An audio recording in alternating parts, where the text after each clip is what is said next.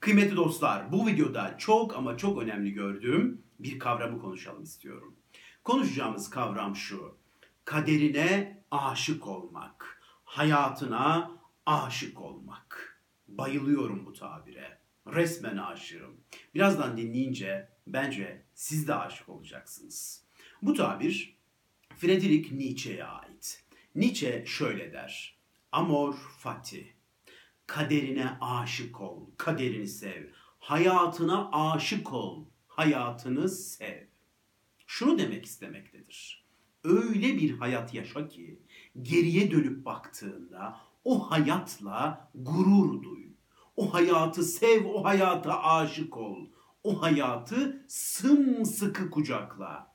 Bu hayat başarılarla dolu, mükemmel, süper ötesi, harika bir hayat olmayabilir. Bu hayatın içinde başarısızlıklar da var. Hayal kırıklıkları da var, mutsuzluklar da var. Düşmeler var, ayağa kalkmalar var. Ama bu hayat senin hayatın. Bu hayatın üstünde senin imzan var. Senin rengin var. O hayata sahip çık. O hayata aşık ol der. Ve size şunu sorarlarsa der Nietzsche, işte bu hayatı bir kez daha yaşamak ister misin diye sorarlarsa tereddüt bile etmeyin. Hemen evet deyin der. Bir kez daha yaşarım, bir kez daha yaşarım, bir kez daha yaşarım deyin der. İşte bu hayatına aşık olmak demektir. Hayatına aşık olanlar o hayatı binlerce defa tekrar yaşamayı isterler der. Mükemmel bir duygu, mükemmel bir kavram. Hayatına aşık olmak. Söylerken bile insanı etkiliyor. Peki bu güzel duyguyu nasıl yaşayacağız? Bence bu duyguyu yaşamanın iki tane temel şartı var. Birincisi şu. Kurban psikolojisinden kurtulmayı başarmak. Kurban psikolojisi şudur. Negatifliklerin, sıkıntıların, olumsuzlukların hep bizi bulduğu düşüncesi. İşte bunca insan varken hep beni bulur duygusu.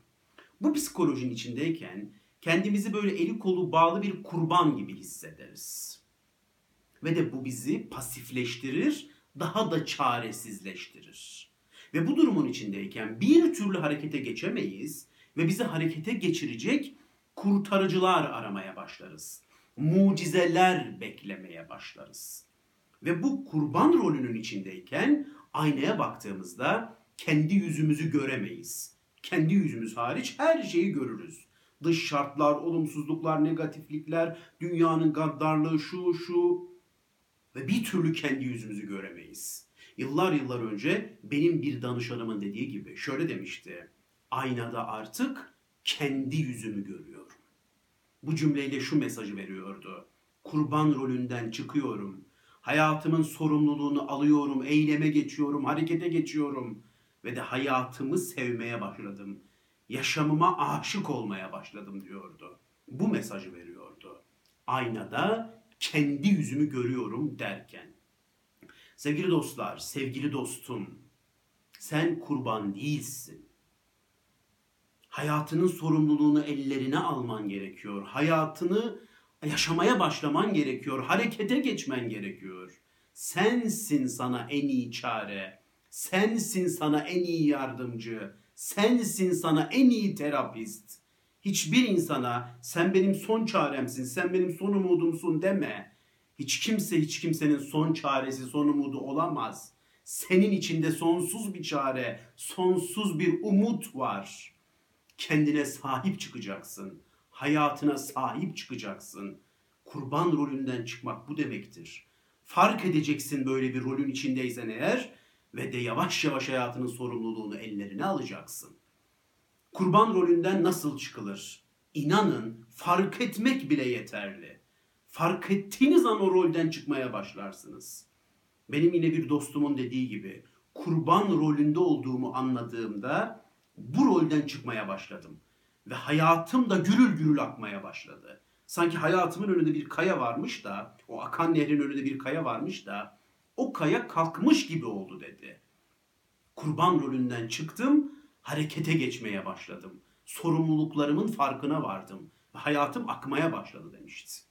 Kurban rolünden çıkmanın en temel koşulu bir kere bunu fark etmektir. Böyle bir rolün içindeysek bunu fark etmektir.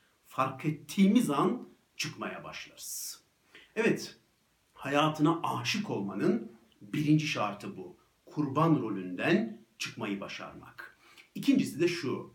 Hayatımızın sorumluluğunu ellerimize almamız. Bu da şahane bir tabir. Ve bu iki şekilde olur. Birincisi şu. Seçimler yapma konusunda özgür olduğumu bileceğim. Seçimler yapacağım ve seçimlerimin sonuçlarını da anlamın akıyla kabul edeceğim. İşte diyelim ki bir işe giriyorum. Bir işe girme konusunda donanımlarım var herhangi bir iş konusunda ve o işe girdim. Başarılı da olabilirim, başarısız da. Diyelim ki başarısız oldum. İşte şunu söyleyeceğim. Ben bir seçim yaptım. Bir iş konusunda harekete geçtim. Alın teri akıttım, mücadele verdim ve başarısız oldum. Olsun, olabilir. İşte bu hayatın sorumluluğunu almak demektir.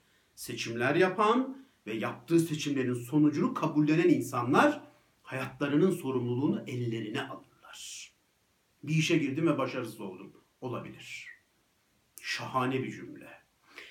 İkincisi de şu. Hayatın, dünyanın bize negatiflikler getireceğini kabul edeceğiz. Herkesin yaşadığı gibi biz de kontrolümüzün dışında sıkıntılar yaşayacağız. Bunu kabul edeceğiz. Ama yaşadığımız bu kontrolümüzün dışında yaşadığımız bu sıkıntıları nasıl karşılayacağımıza, onları e, nasıl değerlendireceğimize yine biz karar vereceğiz. Sık başıma bir sıkıntının gelmesini engelleyemeyebilirim. Kontrolümün dışında olabilir. Ama o sıkıntıyı nasıl yaşayacağıma yine ben karar veririm. Orada yine benim iradem devreye girer. İşte bu da hayatımızın sorumluluğunu almanın ikinci önemli maddesi. Evet sevgili dostlar, hayatına aşık olmanın iki temel şartından bahsettim. Şimdi bugünü bu iki harika duyguyla yaşadığınızı düşünün. Yani kurban rolünden çıkmışsınız. Hayatınızın sorumluluğunu ellerinize almışsınız. Ve de yarın olmuş. Bir şey sorabilir miyim? Dününüze aşık olur musunuz böyle bir durumda? Kesinlikle olursunuz. Dününüze aşık olursunuz. O dünde çok büyük başarılar olmayabilir. Harika harika şeyler olmayabilir. Hiç önemli değil. Ama o dünde, o günde kurban rolü yok. Harekete geçmiş bir insan var. Eylemlerinin sorumluluğunu almış bir insan var. Hayatının sorumluluğunu almış bir insan var. Ve de o sorumluluklarının, eylemlerinin, tercihlerinin sonuçlarını da kabullenmiş bir insan var. Çok net söylüyorum. Dününüze aşık olursunuz. Ve de işte günlerimizi böyle yaşamayı başarabilirsek, bunu ne kadar başarabilirsek, işte topyekün geriye dönüp baktığımızda hayatımıza aşık oluruz. İşte o zaman hayatımızı severiz. Bu benim hayatım deriz. Sevgili dostlar, burada altını çizmem gereken bir şey var ama. Şimdi sevmek aşık olmak. Sevmek tabii ki çok şahane bir şey. Ama sevmekte bazen şartlar olabiliyor. İşte seviyorum ama şöyle olsaydı falan diyebiliyoruz. Şart olabiliyor orada. Ama aşık olmakta şart şurt yok. Aşığım yani şartı şurtu yok. İşte hayatıma aşığım ama şu giriştiğim işte de başarılı olsaydım iyiydi. Demeyin diyor Nietzsche. Sen o işte elinden geleni yaptın. Alnının terini akıttın, mücadeleni verdin gece gündüz. Olmamışsa vardır bir hikmet ediyor. Ona da aşık ol. Tümüyle kabul et. Şu olsaydı iyiydi, bu olsaydı iyiydi deme diyor. Tümüyle aşık ol o hayata. Koşulsuzca aşık ol. Koşulsuzca sımsıkı kucakla diyor. Evet sevgili dostlar, şahane bir kavram ve bu şahane kavramın duygusunu yaşamanın iki önemli şartından bahsetmeye çalıştım. Şimdi burada karşımıza tabii iki tane önemli yol çıkıyor. Bir yol ayrımına geliyoruz tam bu noktada.